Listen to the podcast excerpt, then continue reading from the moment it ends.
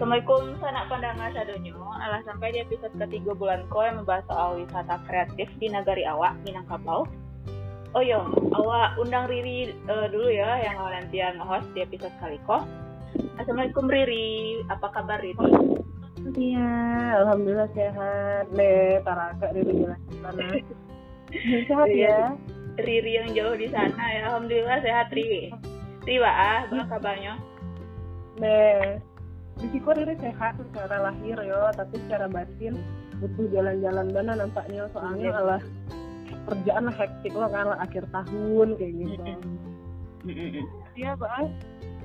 Kamu sih, Dek, Karajo, saya taruh kan ada lo kama kama ada tambah lo corona lo kan segalanya Mm-mm. dibatasi. At- ngomong-ngomong jalan-jalan dari apa sebenarnya di episode kali ko awak memba- membahas soal wisata alam Ayah Tajun Nyarai.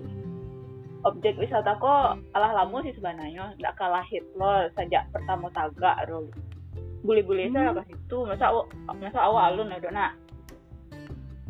Di mana namanya tadi Tia? Kok rasa pernah dengar ya Riri? di Ayah Tajun Nyarai di Padang Pariaman ya, Ibu Aluang. Pernah hari gitu. gitu. Rasanya pernah Riri Danga waktu Riri masih kuliah Tia bantuannya oh, sero tapi yang pernah Riri ke situ ledo.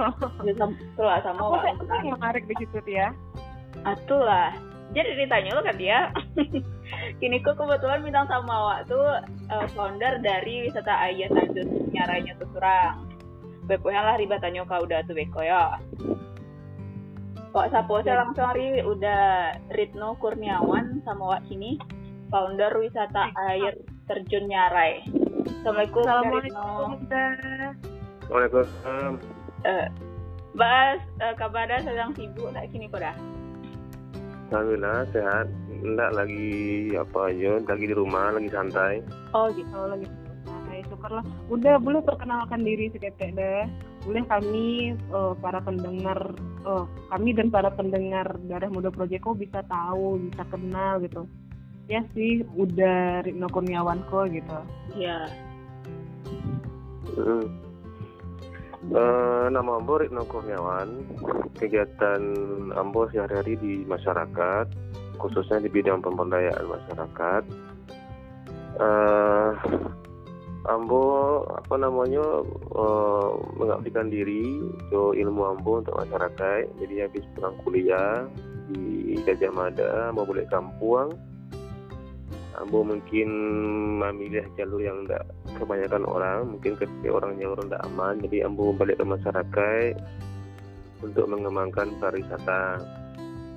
Habis itu Ambo bangun lo usaha kegiatan tindak khusus di Arung Jeram, namanya Lara Fishing. Dan alhamdulillah berkat kegiatan itu Ambo eh, diberi kepercayaan oleh orang Kementerian Pariwisata untuk menjadi penyuluh pariwisata di area Sumatera dan penyuluh kehutanan sosial masyarakat di kehutanan. Jadi eh, lebih banyak kegiatan ke masyarakat sih di bidang pemberdayaan pariwisata, khusus ekowisata dan wisata petualang. Ada proses yang yang udah sampai ke titik pengembangan lokasi punya Raiko gitu. Em, dari kalau dari cerita udah tuh jadi penasaran deh. Apakah udah memang asli daerah situ dah atau Baang? Iya. Nah kalau Ambo aslinya bukan dari Lubuk Aluang, tapi aslinya Bukit Tinggi. Oh. tapi tinggalnya di Lubuk Aluang lah dari Ketek karena orang gaek merantau ke Lubuk Aluang jadi pegawai atau jadi uh, orang gaek produksi jadi, jadi guru Eh, dan dari Ketek itulah di Lubuk Aluang nah, jadi eh, aktivitas sekolah di Lubuk Aluang semacamnya dan eh, apa namanya yo boleh dikejakan eh, setengah badan di Bukit Tinggi setengah lain di Lubuk Aluang lah kita. Hmm. Tapi domisilinya Lubuk Aluang tak dah. di Lubuk Aluang Hmm, Di Lubuk Ulang, di Lubuk Aluang kok kan nggak ada. Oh, sampai maksud itu alamnya kan luas. Um, boleh nggak ada oh, kami tahu bah, bah kok udah eh, memilih salah satunya itu Ayat Tajunnya Raiko untuk objek wisata. Maksud itu dari kan banyak ya sampai yang udah mention tadi gitu. Potensi apa sih yang udah oh, bisa dikembangkan di kalung itu sendiri, terutama di ayat tajunnya Iya. Uh, baku ambo memilih nyarai. Jadi pertama ambo balik kuliah. Waktu itu ambo masih ingat waktu balik-balik ke Jogja, ambo jadi orang gaek uh, ma boleh ndak mau pulang gitu baru pulang gitu.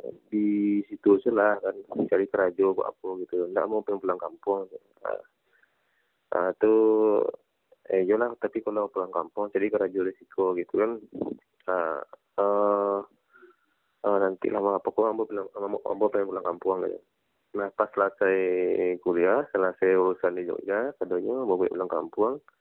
Kemudian uh, ma ambo pengen uh, coba mengembangkan kegiatan di masyarakat gitu kan mudah-mudahan ada jalannya gitu kan.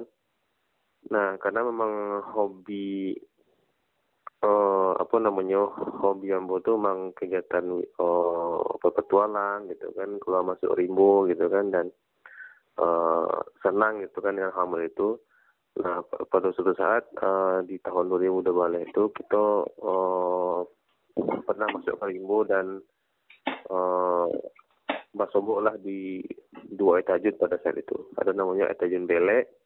Mm-hmm. Nah, pada saat itu kita coba mempromosikan uh, tanggapan orang pada saat itu uh, standar biasa aja gitu. Oh. Nah, ketika di akhir-akhir eh, di awal tahun 2003 balik kita survei lo ke dalam Bali di tempat yang berbeda dapatnya di hutan Gamaran Bukit Barisan Satu gitu kan ya. itu kawasan hutan lindung nah kita coba ambil datanya kita coba mempromosikan nah di situ ada semacam apa ya semacam uh, antusiasme lah dari uh, pengguna media sosial yang mau tanya gitu kan. Ikut lima kok ikut lima kok lima kok gitu kan. Nah itu uh, salah satunya mungkin yang membuat alasan Ambo uh, uh, lebih uh, menekankan niat itu kan uh, untuk mengelola kawasan Niko. Karena ada di situ mungkin sambutan yang luar biasa oleh kawan-kawan pengguna media sosial.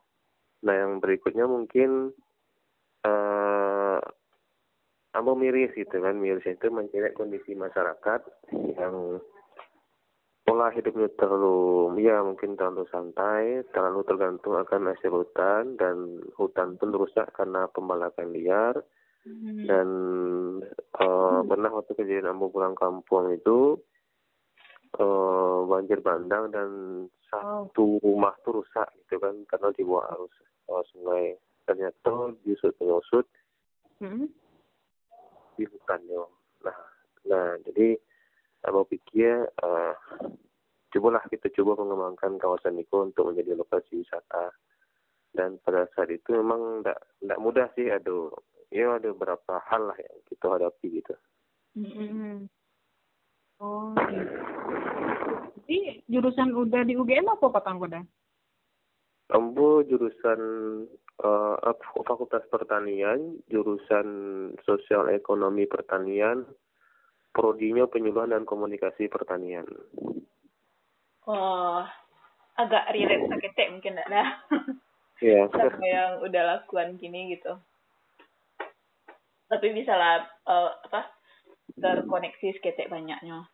Jadi ya, jadi dia berpikir itu aja sih udah di UGM sudah tuh pulang. Ada enggak sih linearitasnya gitu. Ternyata kan memang jiwanya udah jurusan udah di UGM pun memang ke alam juga arahnya gitu. Mm -mm.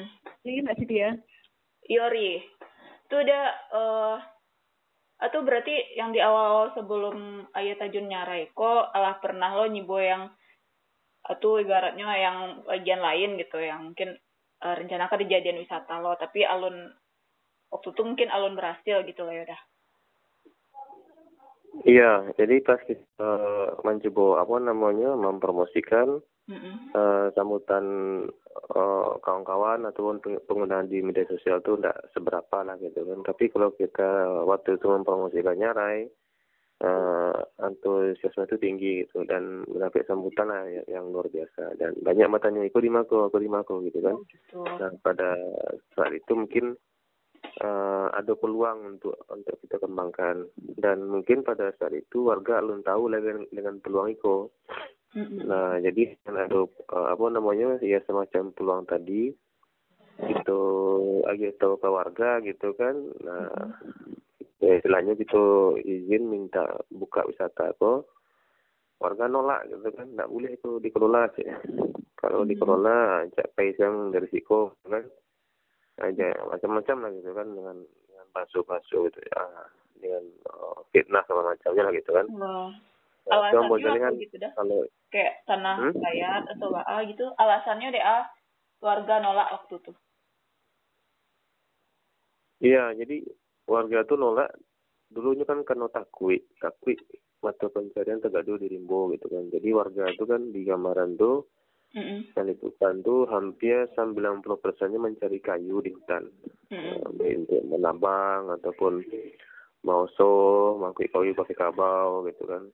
Nah, kayu itu diperuntuknya untuk kebutuhannya sehari-hari, untuk permintaan pasar, bahkan untuk uh, kebutuhan bahan bakar uh, batu bata gitu kan dan dan hmm. hutan rusak gitu kan karena diambil tarik kayunya gitu kan hmm. kalau kita perkirakan data gitu dulu ya dulu sebelum nyara itu per harinya itu 10 sampai 5 boleh watt kayu yang dipotong di hutan Gamaran tuh dan itu ya membuat orang hutan itu rusak nah dan itu merupakan mata pencarian warga karena filosofi warga di situ kalau orang di laut kan tentu kami dirimbo makan kayu gitu. nah jadi uh, lanjut turun temurun waktu pencariannya dan dan apa namanya dan tidak bisa ditagahan kan berkaitan dengan masalah paru itu masalah ekonomi gitu yeah, kan yeah.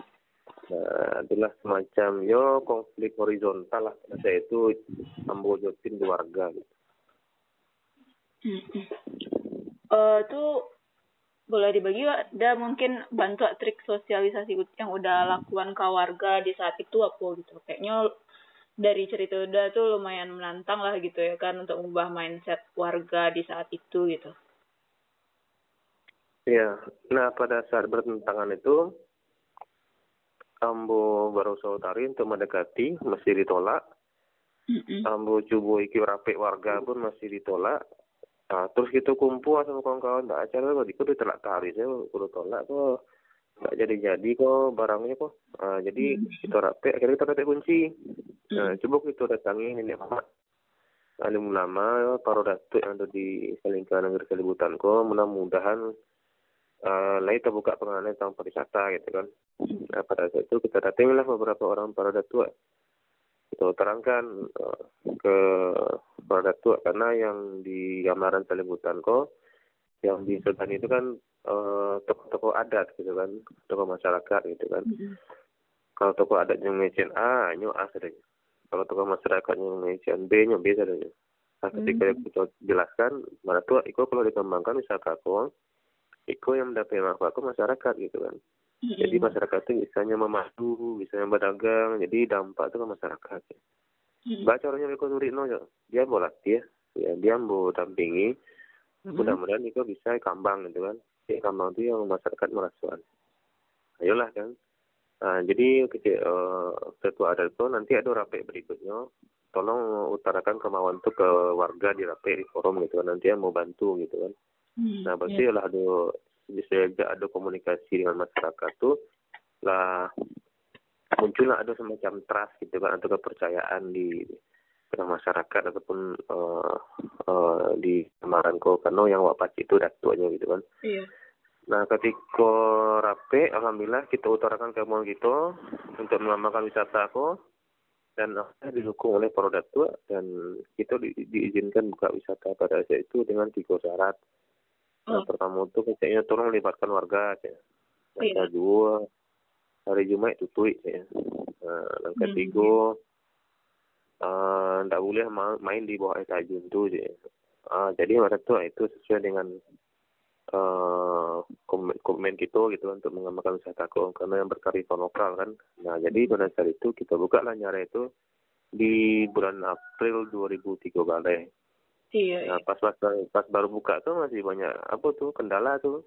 Mm-hmm. Masih ada dojo yang memalak, masih adanya mambek tanahnya, masih adanya mungkin yang apa namanya pemandu tuh pas turun tuh minta uang tips gitu kan jadi masih banyak juga yang lalu sadar sadar wisata kan jadi Kalau bekerja sama dengan baik lah waktu awal-awal buka ya. Ya. iya ada yang pemandu tuh berabik tamu jadi Oh. bukannya makin turun masalah makin banyak itu kan nah Mm-mm. jadi kita jalani tarui masalahku dan apa namanya oh kita latih warga tuh dengan pola praktek gitu kan jadi Mm-mm. metode Yambo untuk melatih warga itu saya praktek karena pernah kita ajan mungkin belajar bahasa Inggris bahasa Inggris ya Iya. Eh, hari pertama mungkin banyak tibu hari kedua mungkin ya, kira-kira tibu lima orang hari ketiga tidak ada tibu itu nah, jadi polanya kita rubah kok nggak bisa teori tuh. Karena kalau orang piaman kok kalau ngecek teori ya pokoknya ngecek angka ngecek kan mau kan mah gitu kan. Nah jadi kita rubah pola jadi praktek. Oh, untuk memandu tamu ambo langsung pandu tamu uh, iki peman iki uh, warga cek untuk jadi oh mau dikau cara memandu je. untuk membriefing tamu sebelum mereka nyarai ambo briefing tamu tuh mau jelaskan di belakang ada warga mencari oh mau dikau cara membriefing dalam kurun waktu tiga bulan uh, pemandu pula bisa briefing lah bisa mandu. Jadi apa namanya akselerasinya cepat. Dan alhamdulillah eh pada saat itu eh, di tahun 2013 itu puncaknya nyarai bulan Maret sampai ada mungkin 16 ribu kunjungan per bulannya.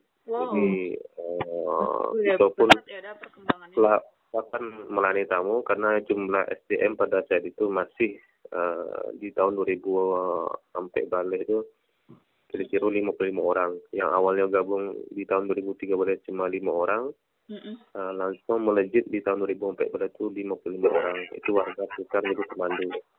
Hmm. Hmm, keren keren keren. Berarti kancang juga ya dah perkembangan ayat tadinya Revo soalnya memang udah dampingi langsung gitu proses eh, proses perkembangannya gitu. Iya. Boleh kepo sih enggak ada. Eh, kan lah lumayan lama tuh sejak 2003 balik kan ada ayat aja nyarai kok.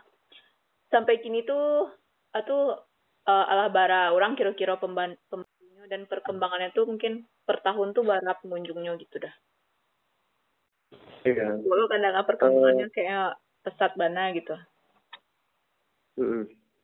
Hmm, kalau dari segi kunjungan eh, untuk wisata petualangan nih, untuk wisata minat khusus eh, naik turun sih, jadi naik turun. Jadi 2014 naik, melejit tinggi. Habis itu turun di tahun 2005 balik, mungkin banyak lah pangkon yang membuat mereka itu gitu kan. Oh iya. Kayak di Malala, kayak di Lubuk Paraku gitu Iya, kan. Banyak lah yang iya. mencontoh metode itu. Habis itu di tahun 2006 balik masih turun, nah di 2007 balik naik balik, turun balik. Jadi kalau gini masih corona kok turun tadi kok. Iya, apalagi corona. per tahunnya Itu seribu gitu per hari sampai seratus orang tuh. Jadi trennya turun kalau covid. Eh, dan perkembangan pemandu pun eh, naik naik naik turun juga. Jadi perkembangan pemandu itu dari lima orang di tahun 2003 balik, naik lima lima orang 2004 balik sampai puncaknya 2008 balik ada 178 orang dan kini total pemandu 165 orang dan total pemandu itu yang Hmm. mengisi jawab tiket untuk pemandu dan semuanya rata-rata mantan pembalap liar yang mantan-mantan penerbang gitu yang jadi pemandu. Iya, pemuda-pemuda Jadi mulai- itu dah. iya lah mengalihkan profesinya. Hmm. Oke, kalau alhamdulillah. fasilitas dulu kita masih numpang ke warga. Karena kita kan tidak ada tidak punya tanah tidak punya modal. Jujur untuk untuk usaha kok kita nggak ada modal. Modalnya cuma niat jadi nol rupiah. Jadi kita banyak numpang numpang ke warung warga untuk posko numpang ke lahan warga untuk parkir numpang lo ka- bahkan tua di rumah warga gitu kan numpang lo toilet di rumah warga jadi masih numpang numpang dan secara fasilitas alhamdulillah itulah siap uh, ya 80 persen Oke. segi Alhamdulillah. toilet kan Punya ya, ya. Ya untuk bilas pengunjung, jarum trekking gitu kan, eh, musola gitu kan, posko, Ya. gedung pertemuan, dengan kotek, alhamdulillah. Kalau dulu kita nggak ada aset sama sekali, Mm-mm. betul-betul nol, kini kalau kita total tuh aset kita sampai 5 m lah gitu. Wah. Wah. Wow, nominalnya lumayan ya. Dah, eh Riri nih yo nanya kok dah. Kan Dek Riri gadang apa? Bukan gadang di rantau sih, cuman posisi kini sedang dirantau gitu kan. Dan selama kuliah dulu tuh alun sempat sempat datang ke Nyarai Ledo gitu. Um, aku sih fakta menarik gitu tentang Tajun Nyaraiko yang jarang orang tahu gitu ya. Jadi uh, misalnya kayak sainsnya gitu atau mungkin kayak aktivitas masyarakatnya yang di situ gitu yang yang ada pengaruh ke ayat Tajun Nyarai tersebut gitu. Pokoknya aku sih uh, poin plus poin lebih yang membedakan ayat Tajun Nyaraiko dari ayat Tajun yang lain gitu deh hmm. uh, ada tiga mungkin ada tiga mungkin yang pertama tuh Ambo boleh mention orang yang pakai Nyare itu orang paling beruntung di dunia Yes. Kok mau uh, jadi di Nyare itu ada aktivitas uh, namanya. Jadi di Nyare itu lu dulu nggak ada. Dulu nggak ada Nyare. Jadi dulu Nyare nggak ada. Tapi karena ada abo ada aktivitas breksi, apa tuh breksi? Aktivitas pusaran arus yang arus tuh membawa kerikil gitu kan, yang agak kadang. Mm-hmm. Jadi mengikis tadi-tadi yang ada di Nyare itu. Jadi lama kelamuan mm-hmm. terbentuk seperti kolam renang alami kayak kuali gitu kan. Nah, jadi uh, lu buat dari nyara itu makin lama makin kadang tarik terus terus kadang dan itu uh, fenomena itu jutaan tahun lalu oh. dan itu diteliti dan dan itu fenomena jutaan tahun lalu dan ketika wak tagak berfoto di nyarai itulah lah beruntung di dunia gitu kan. Karena jarang waktu yang aktivitas seperti itu. Dan itu ada di nyarai. Dan kedua mungkin uh, ini merupakan paket wisata kelokalan. Jadi asli khas. Jadi orang ke situ harus trekking 5,5 kilo. Dan dan melewati hutan Gamaran dan di sepanjang perjalanan itulah menyediakan media informasi berupa papan informasi untuk pembelajaran tentang flora fauna dan melewati beberapa lubuk-lubuk yang sangat indah gitu kan. Kayak lubuk Mongon, lubuk Paku gitu kan. Uh, lubuk Lalang gitu kan. Uh, lubuk Keduang dan itu membuat perjalanan itu tidak bosan gitu. Dan oh. aktivitas lainnya um, seperti camping uh, ada paket super fishing yang, yang disenangi para bule nembak ikan gitu kan. Ada paket buat watching menculik burung kuau itu disenangi sama orang-orang Singapura. Karena pas lagi itu orang luar ya iya iya tapi kini ada ada di covid oh. habis itu ada paket master fly fishing uh, master tuh nemu ikannya uh, gariang bahasa Jawa ikan gariang bahasa Indonesia master atau ikan semah fly fishing tekniknya. Jadi lubuk di situ ada lubuk larangan. Jadi lubuk larangan itu kan biasa di Jombang kan tidak dimanfaatkan kan di Padian aja gitu kan. Oh, oh. Habis itu dibongkar pada satu waktu tertentu dan dan diambil banyak-banyak. Nah kalau di situ tidak kita uh, memanfaatkannya untuk kegiatan pariwisata. Nah, jadi uh, orang komunitas Panjang itu kontrak per tiga tahun 20 juta, uangnya kita serahkan ke nagari, dan uh, orang tuh bebas mancing. Bebas mancing tapi ikannya ikannya dibalik lihat di rilis balik gitu kan? Oh jadi dipancing sudah tuh pulangan ya iya. Oh. Sebenarnya orang tuh yang bodoh mungkin. Cuma kan sensasi saya yang dicarinya gitu kan. Dan itu orang tuh dari Eropa dari kayak oh, Prancis, Belanda, iya, iya, Eropa lah gitu kan. Jadi ke Doha dulu, habisnya ke Malaysia, baru ke Nyarai gitu kan. Hanya untuk memancing uh, master go fishing tuh dan go fishing master tuh hanya ada dua di Indonesia. Yang pertama di Nyare di Sungai Batang Selibutan mm-hmm. dan yang kedua tuh di Sungai Mahakam. Ya, di Sungai Mahakam tuh orang Malaysia bela-belain tuh datang ke Sungai Mahakam pakai heli helikopter gitu kan. Okay, dan nangkut ikan tuh dan mereka masih untung karena ikan master gold fishing gold fish itu di hmm? Malaysia itu kalau nggak digoreng tuh sekilo tuh tujuh ratus ribu jadi ikan oh. mahal gitu kan Nah, jadi dan itu ada di Nyarai gitu dah. Laut. Di Nyarai cek, mau di Sungai Mahakam cek Kalimantan. Oh, oh gitu. Dua berarti ya. Hmm, dan berikutnya kegiatannya ambo metamorfosa. Jadi nyari pure pemberdayaan dan unit usahanya ambo di Arung Jeram. Jadi silakan mungkin dicari di Instagramnya Larafting itu usaha ambo sama kawan-kawan. Habis itu uh, ada websitenya oleh cari alamrafting.com. Nah, jadi nyari pure pemberdayaan untuk uh, profit ekonominya di Larafting atau Arung Jeram. Oke. Okay. Berarti banyak juga ya kegiatan yang bisa dilakukan di Nyara itu enggak sekedar mandi-mandi seno gitu. Iya. Iya. Itu ada udah nyebut Larafting ya ada namanya dah. Iya. Itu bagian iya, dari masih sepaket sama wisata Ayat Tajun Nyara ya atau ada? Masih. Jadi hmm. uh, asal muasal kelompok dari Nyarai kok Iya. Jadi dari beberapa sedikit keuntungan kita beli peralatan mungkin, habis itu dibantu oleh dinas dan sungainya enggak sungai Nyarai dong, tapi di sungai Batang Anai. Masih dekat dari situ. oh, masih dekat situ. Oh gitu. Jadi sungai Batang Anai itu dari Malibu, TE Tajun Mhm. tuh Mm-mm. sampai ke eh, Muaro Anai di tempat Coca-Cola tuh. Nah, situ alirannya dan kita memulai start dari Kawi Tanam sampai ke Lubuk Aluang. Nah, itu paketnya lah kita sediakan dan, alham- dan alhamdulillah tiap minggu ya alhamdulillah ada tarif pengunjung yang booking gitu kan untuk main di uh, Arung Jeram sama kita. Eh, Oh, Seru kayak oke. Mari. Iya, udah penasaran ya. Kan tadi itu Iya. eh, terdengar berhasil, terdengar sukses gitu ya. Iya. Eh, kalau kan itu sebelum pandemi. Nah setelah pandemi kok eh, ada nggak sih eh, perubahan-perubahan yang ada di Nyara itu dah? Iya, kalau eh sebelum pandemi ya kalau untuk kunjungan lumayan, alhamdulillah. Kalau untuk eh, pokoknya kita bertahan yang ke lima ribu per tahun lah gitu kan, lima ribu, empat ribu gitu kan. Sorry dah Tapi itu pengunjung lokal gabung lokal dan eh, in- apa internasional gitu dah.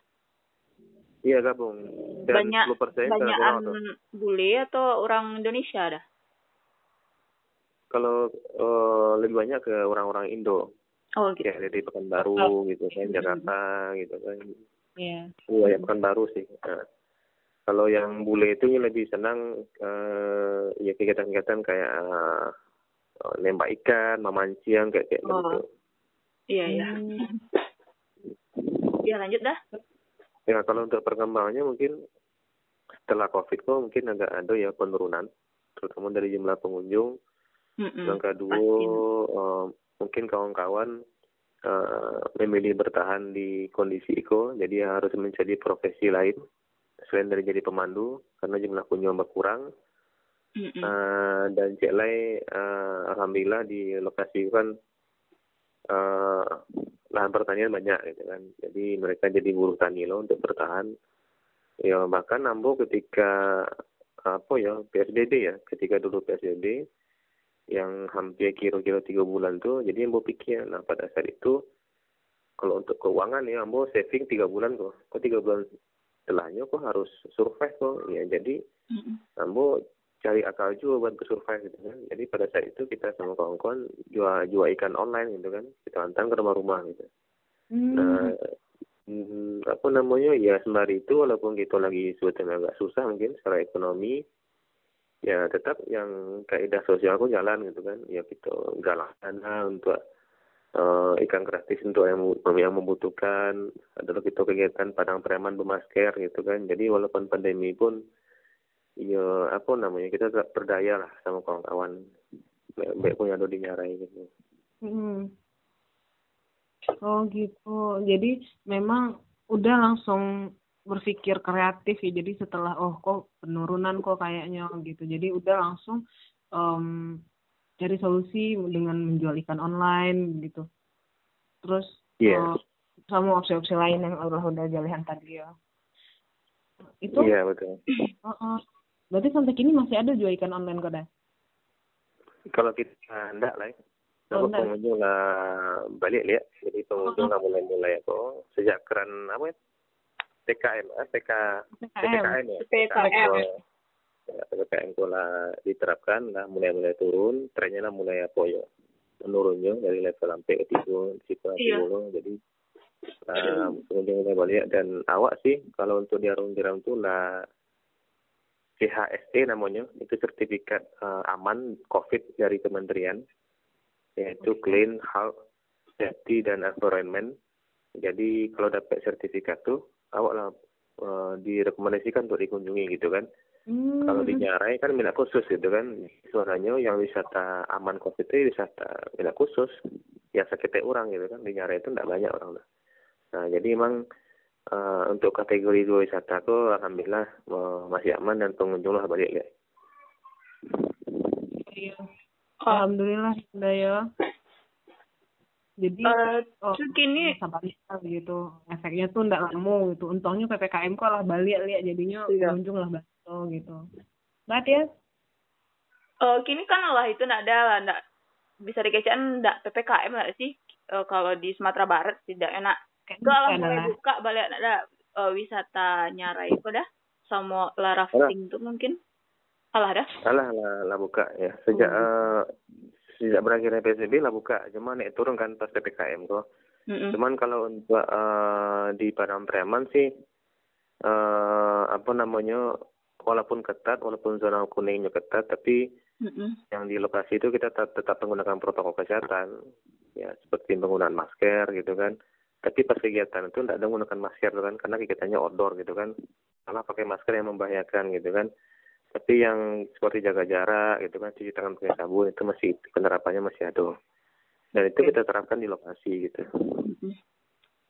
Terakhir dah, eh, apa yang udah New sampaikan demi apa ya demi kestabilan wisata Ayah Tajun Nyarai ko kasanak pandangan eh, kasanak pandangan sadonyo dan mungkin pasan pasan untuk para pengunjung nanti bagi yang mengunjungi Ayah Tajun Nyarai gitu. Dan mungkin sekalian promosi ya udah udah dah jadi yang kawan-kawan yang mau berwisata gitu kan, yang berkegiatan outdoor gitu kan, mm, alangkah baiknya silakan coba berpetualang di lokasi air terjun Nyarai di ekowisata Nyarai, Hutan Gamaran, Nagari Selebutan Lebu Aluang. Jadi lah banyak untuk media informasinya, lah ada Instagramnya, lah ada Facebooknya, silakan mungkin cari-cari ya di termasuk pun di YouTube lah banyak juga. Nah di lokasi itu memang banyak pakai paketnya. Sampai untuk kegiatan arung jeram pun gitu sediakan paketnya dan dan bahkan yang sangat diminati pengunjung itu di eh, sebenarnya arung jeram ya. Arung jeram kini trennya lagi bagus. Iya. Dan eh kalau Instagramnya lah rafting tuh yang untuk arung jeram dan sebetulnya untuk kegiatan itu boleh dikatakan aman covid.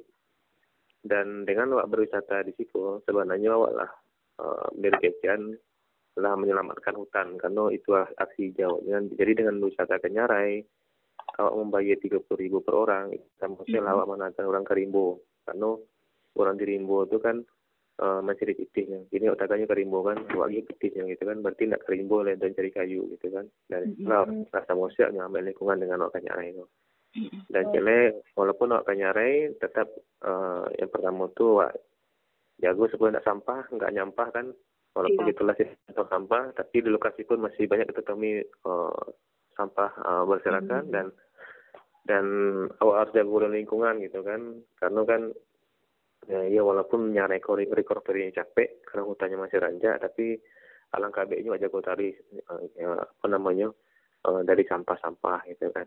Iya. Dan itulah menyediakan bibit pohon jadi memang kita anjurkan untuk kelompok yang naik ke Nyara itu nanam pohon cie gitu kan. Jadi ada aksi sosial juga. Oh gitu ya.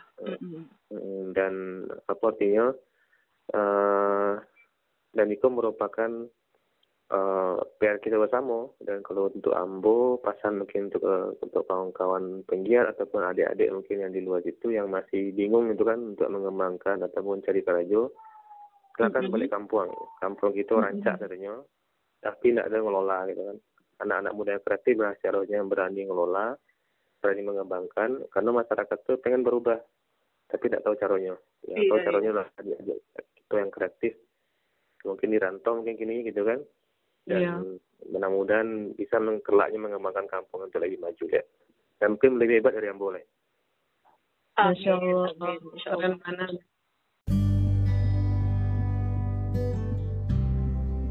Jadi eh kok langsung ya untuk sanak pandangan darah muda project sadonyo yang alun pada kanyarai silahkan berkunjung ke Nyarai sudah tuh jangan lupa eh, akses IG-nya kalau Nio lihat foto-fotonya. Di mana kalau Instagram nyarai air terjun nyarai biasa. Ah, Air air terjun kalau kira arung jeramnya lah rafting nah langsung ya sana langsung follow. Ya langsung saya dicari ya eh, Instagram. Kan Ayah Tajun Nyarai gitu dari oke. Ah tuh cek lah sih dah ada yang dia kepon tuh kebiasaan masyarakat yang pembalakan liar sampai kini tuh alah jauh berkurang atau ya banalah terhentikan gitu dah lah berkurang bahkan mungkin lah tidak boleh dong oh gitu Mm, kira-kira per harinya itu sebelum covid tuh kita, hitung eh, sa- satu sampai dua kayu lah yang keluar dari rimbo Oh, gitu per hari. Hmm. Tapi kini lah dedication hampir tidak ada ya dong gitu. bina tuh itu Iya. Hmm. apa namanya eh secara ekonomi lah ada pendapatan lain yang mereka alihkan pendapatannya dan cek lain eh, desa aku lah eh, menjadi desa induk artinya lah lah mekar gitu kan dulu kan masih desanya masih kategori korong dulu Hmm. pemekaran ya ada peningkatan ekonomi gitu Iya. Jadi jadilah terbuka lah pikiran eh pangana masyarakat situ nak ada dek mencari Hmm. wisatanya Reko lah jauh lebih berkembang gitu dan bisa meninggal ma ah, meninggalkan kebiasaan buruknya yang dulu lah yang pembalakan liar tuh gitu nak dah. iya Eh, ya eh, baiklah senak padang eh, senak pandangan jadi bentuk itu cerita perjuangan pemberdayaan wisata ayat tajun nyarai ndak ri yang Iya. paling susah tuh mungkin mengubah mindset masyarakat eh, di situ gitu ya, supaya Nio bakal aja samo mengem- eh, mengembangkan potensi lingkungannya. Eh, selain itu banyak banyak kein- keunikan yang tersimpan dari ayat tajun Nyareko dan lingkungan sekitarnya bisa. Eh, jadi wak jalan-jalan tih ke itu kayak tajun Nyarai itu Ri. Nah, harus ya pokoknya awak harus rundingkan jadwal bilo awak Iya. bisa ke situ. Kamu darah muda harus kasih itu nah. Darah muda aja ke situ dah. Kami belum pernah ke situ ya udah lah dari Wah, harus, harus. Balik di situ kan. Pokoknya kalau diri pulang bisa kok darah muda project main, insya Allah main ke situ dah. Nah, Oke, tolong. Tunggu. tolong pandu. Standby udah situ Ya. dah. Eh, enggak, tapi kalau seandainya eh, apa namanya sengaja nak standby supaya Mhm. adik-adik di situ mandiri Oh iya. karena enggak mungkin kita taruh di situ kan jadi Iya, iya. harapannya bisa mandiri mapan lakbe Nah, tapi kalau kon- apa namanya posisi masih ketua Potarius di situ masih ketua pengelola kalau seandainya Riri Jakongkau itu apa kabar deh tapi itu hari sebelumnya udah dia dia siap-siap takutnya ada kegiatan lain gitu Ah, Oh, iya. siap-siap dah. Terima kasih banyak udah Iya. nih berbagi. sama Iya, terima kasih banyak dah. Project Sadonya. Jadi Iya. bertambah juga referensi jalan-jalan kami dah. siap Eh, dan Oke. semoga wisata Ayat Tajun Nyarai kok bisa taruh tumbuh gitu. Ndak eh, Iya. dari no sama Riri dan sanak pandangan sadonya supaya menjadi tempat wisata yang dikenal lebih luas lagi oleh masyarakat Indonesia kalau paralu dunia gitu. Lebih banyak bule-bule yang sibuk ke situ gitu. Eh, ndak cuma tertarik untuk mancing, saya eh, bisa meng- atau mencibo atau wisata yang lain kayak eh, arung jeramnya dan kok foto-foto gitu lah gitu kan lah terkenal lo kayak di Bali gitu nggak ada semoga bisa kayak itu suatu hari nanti Amin, amin. amin tangan, jangan lupa datang ke wisata Ayat. Rai di Iya. Lubuk Alun. Oke? oke Eh, oke sekian episode kali ini Eh, semoga bermanfaat untuk sanak pandangan sado sadonyo dan bisa menjadi referensi wisata untuk selanjutnya lo dan bisa ayo nambah informasi lo mungkin tentang bahas dulu wisata nyarai eh, yang sama kok tahu gitu kan. Dan eh, terima kasih dah sekali lagi atas waktunya dah. Siap sama-sama. Ya. Assalamualaikum warahmatullahi wabarakatuh. Waalaikumsalam warahmatullahi wabarakatuh